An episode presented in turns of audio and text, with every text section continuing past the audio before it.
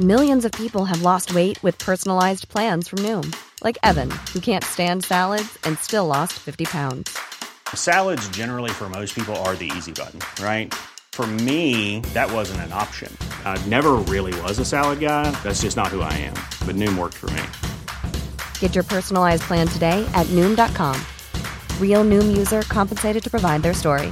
In four weeks, the typical Noom user can expect to lose one to two pounds per week. Individual results may vary.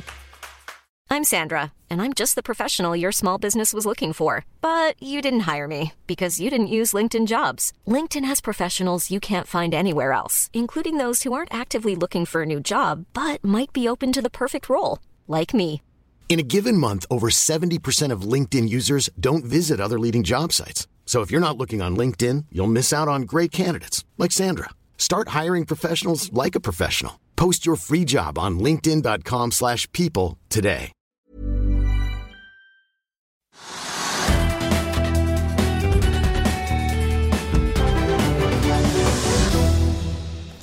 Til Økonominyhetene i dag tirsdag. Vi er tilbake etter påskeferien og skal gi dere noen nyheter. I dagens sending skal vi innom Oslo Børs, Asia, Europa og USA, og vi begynner med noen hovedpunkter fra Oslo Børs. Sveip stiger etter melding om at selskapet skal levere biometriske betalingskort til Indias nest største kortprodusent. Aksjene akkurat nå opp 10 Polite stiger etter at et av selskapets produkter ble inkludert i en webkameraløsning for Maxhub, og aksjen legger på seg 15 Nordic Semiconductor har inngått en avtale med Telenor og stiger 6 på nyheten. Og ellers har vi fått ferske slaktetall fra Bakkafrost. De viser at selskapet slaktet dobbelt så mye fisk på Færøyene sammenlignet med Skottland, og aksjen faller likevel tilbake 1,6% Yara får en nedgradering av ABG Sundal Collier fra kjøp til hold, mens kursmålet oppjusteres til 475 kroner. Yara faller akkurat nå 1,6% og aksjen står i 438 kroner. Et fat brentolje stiger til 63 dollar fatet, og på Oslo Børs er det en ny all time high, Trygve? Ja, det er ny all time high, og det vi grunn til å feire det. det. Og det kommer da etter at man hadde all time high i New York i går. Da var vi stengt. Da var vi fremdeles på påskeferie og rullet hjem til, fra fjellet. Eh, og da skjedde det ganske mye, for da fikk det all time high i New York. Og så var det mange aksjer som da hadde fått mye juling før. da. F.eks. da flyaksjer eller cruiseaksjer eller reiselivsaksjer generelt. De fikk da ganske store hopp på 5% og 7-8% og det var fordi at da Amerikanerne tror at verden er bedre. De vaksinerer som bare rakkeren. Eh, setter nye rekorder på det hele tiden. Og eh, man skal åpne opp igjen disse områder, og bruttonasjonalproduktet stiger mer enn man hadde regnet med. regnet med 6-7-8 i annet og tredje kvartal. Det er veldig mye.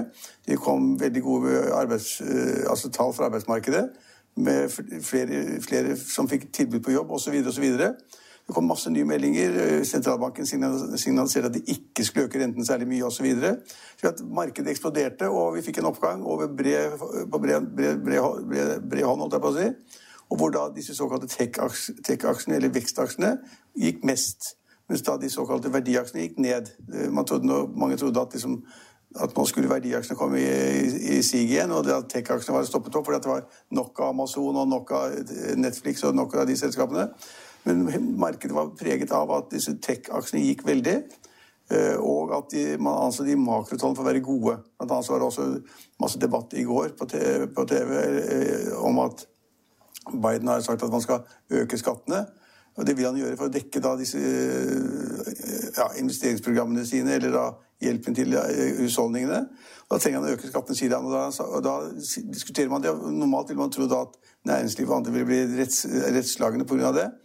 Men nå er det slik at under Donald Trump så sank da selskapsskatten sank fra 35% til 21 og nå er det mange som lurte på da om Biden skulle øke den til 35% Det ville vært kjempeløft i skatten, og det ville vært skremt mange, tipper jeg. Men det, nå sier man det at det blir ikke 35, og vi bare øker den fra 21 til 28.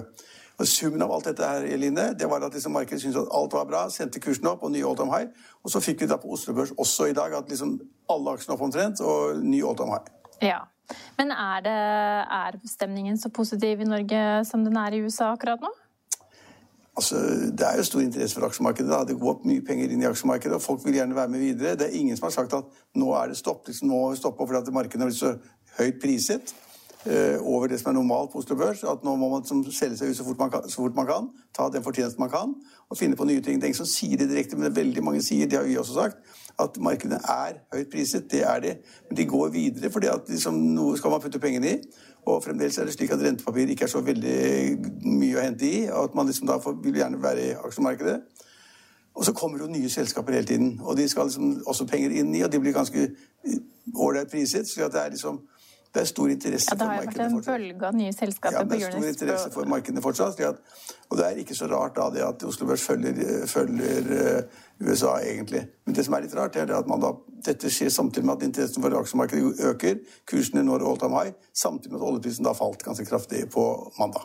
Ja. Men i dag er vi da oppe på 63 dollar igjen. Det er fortsatt ja, et stykke var, unna vi der vi var, men uh... Men vi var på 62, Eline, og det, altså opp til 63 det betyr ingenting. Altså, det, som, det kom en melding på torsdag. Da var vi nordmenn vi var på påskeferie, brød oss ikke om hva som skjedde. Men det kom melding fra torsdag på OPEC pluss-landene, og de sa det at nå skal vi fjerne de reguleringene vi har. De har regulert og tatt bort en del av tilbudssiden, kuttet ut en del av produksjonen for å få prisene opp. Helt, altså, du bør ikke gå på noen skole for å lære det. Og Det har de gjort over lang tid, og nå sa de at nå er det slutt. Frem mot sommeren, Vi begynner i mai og vi fortsetter i juni. Så skal vi ta bort noen av reguleringene og åpne da tilbudssiden, produsere mer olje. Og Saudi-Arabia hatt en egen avtale ved siden av de OPEC-landene hvor de har sagt at de har tatt ut én million fat per dag av markedet. Nå har de sagt at da skal vi da åpne opp den slusen også, slik at det blir frem mot sommeren veldig mye mer olje i markedet. Og da skulle man jo tro at prisene synker og ikke stiger.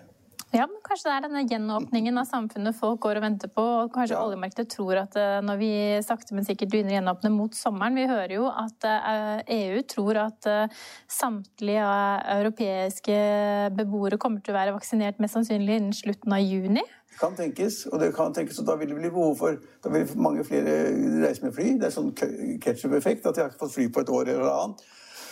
Og så vil man begynne å fly til Middelhavet, til Nis og til Mallorca og til, kanskje til London og kanskje til andre land og byer. Eh, det er kanskje. Men jeg tror at liksom, effekten vi ser på oljeprisen, den er for tidlig å diskontere nå. Så når de skal åpne opp, da, ikke slusene, men da åpne opp liksom De har tatt ut av markedet 7 millioner tonn per dag, pluss Saudi-Arabias det er 8 millioner tonn. Så skal man åpne opp 400 000 tonn og 300 000 tonn osv. fremover. Uh, og det blir mer oljemarked. Og, er, og at liksom verdens land skal bruke all den oljen og presse prisen opp. Og Jeg tror ikke noe på det ennå. Det kan skje. Og I dag har vi sett en oppgang fra 62 dollar til 63. Det er ikke mye. Nei, men um, i morgen får vi også da høre hva Erna Solbergs plan for gjenåpning av Norge skal og vil være. Selv om mange mener at det er altfor tidlig å snakke om noe gjenåpning nå enda. Men hvis vi skal snakke ja, men det er litt, det er litt, det er litt sånn uenighet akkurat der. fordi at Noen sier at liksom, vi kan ikke åpne opp noe som helst. fordi at man kan ikke åpne opp før da antall smittede hver dag, nye smittede, er, hvis det kommer under 200 og Nå har jo det ligget på 1000. altså Det er liksom over 200 bare i Oslo. slik at liksom, da, Hvis man skal følge de liksom veldig konservative, de som er nå strikse, som sier at vi skal ikke åpne noe som helst før vi da har under 200 nye smittede hver dag, da blir det lenge til. Jeg tipper at Erna Solberg kanskje er noe mer rundt i kantene, men jeg tror at dessverre er de er litt for strenge. Så de som da er stengt ned nå, enten det er restauranter eller hoteller eller treningssenter, treningssenter eller hva det måtte være, de kommer til å være stengt fremover også, tror jeg, ganske lenge. Ja. Sverre? Det er blåser imidlertid en havvind over Euronex Euronext Growth. Trygve, du har eh, tatt for deg havvind i dagens leder. Vi kan jo bare ta med oss noen av de havvindrelaterte aksjene som stiger i dag. Vi har eh, Cadler opp nesten 8% De har presentert sitt årsresultat og venter kraftig omsetningsvekst på 56-63 millioner euro i 2021. I tillegg så stiger BV Diol 3 Vi har Aker Offshore Vind opp 3% ja, så det er veldig interesse for havvind. Men det som er, litt, er poenget, er at eh, nå, nå, skal man være med på alt som er fornybart. altså Enten det er solenergi eller strøm fra, fra vannfall, eller da havvind, eller hva det måtte være. Og, og, produksjon av hydrogen, selvfølgelig, som da er også da CO2-fritt. Eh, veldig interesse for havvind. Men statsråd eh, Tina Bru. Tina Bru hun sier at dette her er liksom litt merkelig. Og de, nå vet vi at det er veldig motstand mot da, altså vann, vindkraft på land. Fordi at disse svære turbinene er så svære at de, liksom, de skremmer fugler og dyr og mennesker og alt som er. De bråker, og de liksom blir etablert i nærheten av hvor folk bor. Folk vil ikke ha det. Stort sett vil ikke folk ha det. Vi har noen uh, typer i Norge, men det er veldig lite. For det er vanskelig å få det til å bli liksom godkjent av, fra Stortingets side eller fra lokale myndigheter. Og så skal plutselig alle ut i havet. Og, det er, og, og ifølge da Tina Bru så er det liksom snakk om da flere tusen nye sånne gigantiske armer med da med da, denne turbinen, eller hva de kaller det. Og det, Det er ikke, altså, Tina Bru sier egentlig, uten å si det rett ut, det er ikke marked for det. Og det, er det kostbart? Det kommer til å koste masse penger, særlig hvis de da er på, på, på flytende da, sånne plattformer, hva det være. da. Skal man da liksom produsere havvind fra sånne flytende greier som er da 15 eller 20 eller 30 meter høye bølger. Du har sett den lastebåten som driver rundt nå i Norskehavet? Ja. ja. Der er bølgene bare 10-15 meter, og de mister helt kontroll. Jeg ser for meg liksom da vi får den type installasjoner som skal prosessere vind ute i en sånn storm eller orkan eller med bølger på 20-15 meter, 20 meter eller 15 meter, det, det blir kostbart. Eh, så det er mye mer kostbart å drive det enn å ha faste installasjoner. Men langs norskekysten er det ikke så veldig mange steder hvor man kan ha faste installasjoner. Så Tina Bru er skeptisk og sier at dette her blir veldig kostbart. Eh, den, den motstanden vi har hatt mot vindkraft på land, det blir bare blåbær i forhold til det de kan få hvis man skal begynne å produsere i stor skala i Nordsjøen. Sier hun, mystisk nok, fra Høyre. Men MDG kan ikke forstå det, for de mener jo at det vil være et enormt etterspørsel etter havvind på lengre sikt. Det kan godt tenkes, men altså, det er jo litt avhengig av prisen. da. I hvilken kostnad kan man produsere havvind, og hvor mye skal man ha? og Skal, skal liksom den norske fiskeflåten så, skal den sånn seile sånn sikksakk-fart? Mellom alle disse turbinene. Altså, hun sier at eh, nå må man tenke seg om, ikke være, være for grådige. Men det, det, du nevnte innledningsvis, er at det er veldig mange selskaper som er interessert. De vil liksom gå inn for det. Og det er mange tidligere, altså De som var skipsledere før, kanskje ikke de har, penger, har så mye penger igjen. De har bare supply-båter eller, eller, andre typer uh, båter til eh, Nordsjøen, serviceskip som nå bygger om sine gamle skip, eller konstruerer nye, som da skal bare spesialisere seg på å drive frem, frakt frem og tilbake de, de områdene hvor, hvor, man skal etablere havvind. Skal de da på en måte eh, konstruere da disse her store turbinene, eller vindmøller, eller hva man kaller det. Eh, og det er en ny næring. Men om den er stor nok til å liksom, skaffe oss nok kraft i en pris som jeg er villig til å betale, det gjenstår å se. Ja. Nell nevnte hydrogen. Nell fikk jo torsdag en bestilling på hydrogenstasjonen H2 Station 10, som skal brukes til å produsere elektrisk drivstoff for biler i Quebec, i, Quebec, ja, altså, de, i Canada. Nell-kursen er, er, populær, den er altfor høyt priset. Uh, men den er populær, og hvis, kommer, hvis, de, hvis Nell kommer med en melding om at de har liksom laget en ny sånn, tappestasjon eller et nytt anlegg, så går kursen med en gang. Det er det som har skjedd nå. Ja, opp 4,5 i dag. En tappestasjon langt evig langt borte, og så går kursen 4% Ja, men så I tillegg, da, så har, jo, i tillegg så har jo Barclays det skjedde jo forrige tirsdag, tok opp dekning på Nell med kursmål på 40 kroner og 50 øre og en kjøpsanbefaling. Nell står akkurat nå i 20 6,5 kroner ca. Så det, det, er jo et stykke opp til 40,5 kroner. Og Barclays er jo et internasjonalt meglerhus, så det betyr at deres internasjonale kunder også har fått øynene opp for Nell, kanskje? Ja, men altså, poenget er Nell er sikkert et utmerket selskap etter hvert. Hvis de får til noe høy produksjon, tjener penger, gjør de riktige tingene. De, vi har snakket om det mange ganger, det prosjektet de hadde da i USA med da et sånt selskap hvor de skulle da få da produsert hydrogen til busser og lastebiler og, så, og, og, og sånn. Det ble ikke noe av. For det, det selskapet de skulle jobbe sammen med, i konk eller gjorde noe galt. Eller, ja, Nicola ja, Motors. Ja, det gikk vel ikke i konk, men, det var vel noe var, etterforskning rundt hva som ja, foregikk i selskapet. Men på Nell er det populært selskap. er altfor høyt priset og eh, driver med et produkt som sikkert vil bli bra, men det er veldig mange som skal inn i hydrogen, og det er ikke, det er ikke så enkelt å tjene penger. Og det har de vist at de klarer ikke ennå. men ja. Og, og, enn så lenge så er det jo ingen som kjører eh, hydrogenbiler. I hvert fall ikke i Norge. Jeg tror det er to stasjoner, er ikke det? En i Sandvika og en i ja, Var det en på Kjeller? Jeg vet, jeg vet ikke. Nei. Det er ingen som driver med det. Det er jo ingen i Norge som er så gærne at de begynner å, å kjøpe biler som da liksom tilpasses hydrogen. Det er ikke. Men det er ikke lenge siden vi trodde vi kom til å være det om et par år. Men Nei, vi er ikke der ennå. Jeg trodde i hvert fall. Nei. Eh, dagens taperaksje er Lifecare. Stupte fra morgenen av tirsdag. Har hentet inn noe av fallet, og kun ned 20% akkurat nå, Trygve. Ja, men altså, jeg, jeg kan ikke alle detaljene i selskapet, men poenget var at det kom i forrige uke. Da Norge var nedstengt, så kom det jo meldingen om Det var rett før vi dro, dro på påskeferie så kom det melding om at et datterselskap de eier, hadde liksom begjært seg selv konkurs, altså oppbud. Det høres jo helt mystisk ut. Og så kom da øh, morselskapet da med noen uttalelser om at det var ikke så farlig og greier, det kostet ikke så mye, men det er en dårlig melding. Så det er, ja, for altså, Lifecare eier jo da 25 av dette datterselskapet Digital Diagnostics, som da angivelig skulle være konkurs ja. fordi at selskapet selv ønsket det. Eh, aksjen er i hvert fall ned på nyheten. En annen aksje som er opp i dag på det de sier er eh, det, årets, eh, altså det beste første kvartalet noensinne, er jo Selvåg Boligtrygve, opp 6% akkurat nå. Ja, de kom med tall hvor de sier at det er det beste kvartalet de har hatt, egentlig. Eh, og det er veldig bra. Men det er liksom litt vanskelig fra utsiden å se liksom de produserer masse boliger. Så når, de, når blir de ferdige? Kanskje en periode hvor de liksom er veldig mye ute i produksjon, ikke til salg. Men de da, kom da med veldig gode tall. Og det, ja, Ja, Solon Eiendom melder også om salgshopp. De solgte til sammen 215 boliger i første kvartal. Eh, Selvåg solgte 274 boliger for 1,4 milliarder kroner. Selvåg stiger som sagt 6% mens eh, Solon Eiendom faller 0,6 ja, Men det som er poenget her, er at det er jo i Oslo-området særlig, da, så er det mangel på boliger.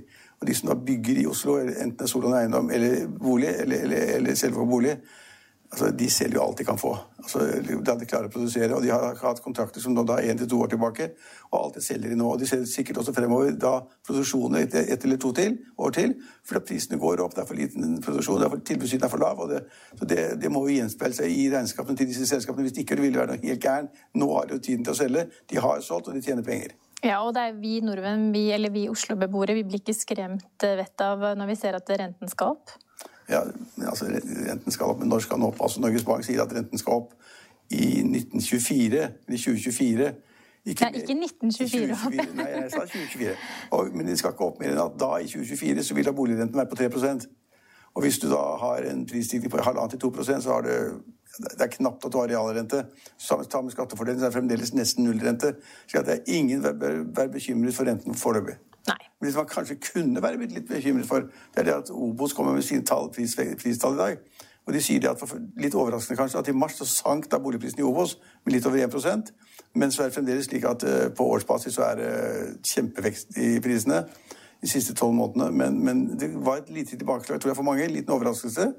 Kan det gi noen indikasjon på hva vi kan vente oss av boligprisene som kommer i nei, morgen altså, eller er i morgen? Nei, ja, altså Poenget var at boligprisen for Obos, det er så mange boligpriser, men de økte jo med 4-5% i februar. altså Ganske kraftig, langt over det man forventet. Så er det et lite tilbakefall, en bitte lite fall, litt over 1 1,2 tror det var, i mars. I sum så stiger fortsatt boligprisene, men det kan være at noen tenker at dette er litt skummelt. liksom At boligprisene virkelig faller i Obos. Ja, men da, da sier jeg bare februar. Veldig mye opp. Så I snitt er det sånn som det kanskje skulle være. Og så er det noen som kanskje tar prognosene for året litt ned etter dette her. Hvor de sier at det kanskje blir litt problemer i fremover også. Og så er det enda svakere i høst, og så får man da kanskje ikke da Hittil er jo prisveksten i Oslo er på 15 og på landsbasis på 10% Ja, og da, tall fra Eiendom Norge tror jeg vi får torsdag. Ja, men iallfall så er prisveksten hittil vært så stor at vi skal begynne å bekymre seg for det boligprisfallet. Det orker jeg ikke. Det var dagens Oslo Børs og litt til. Denne sendingen er tilbake i morgen. Følg med oss igjen da.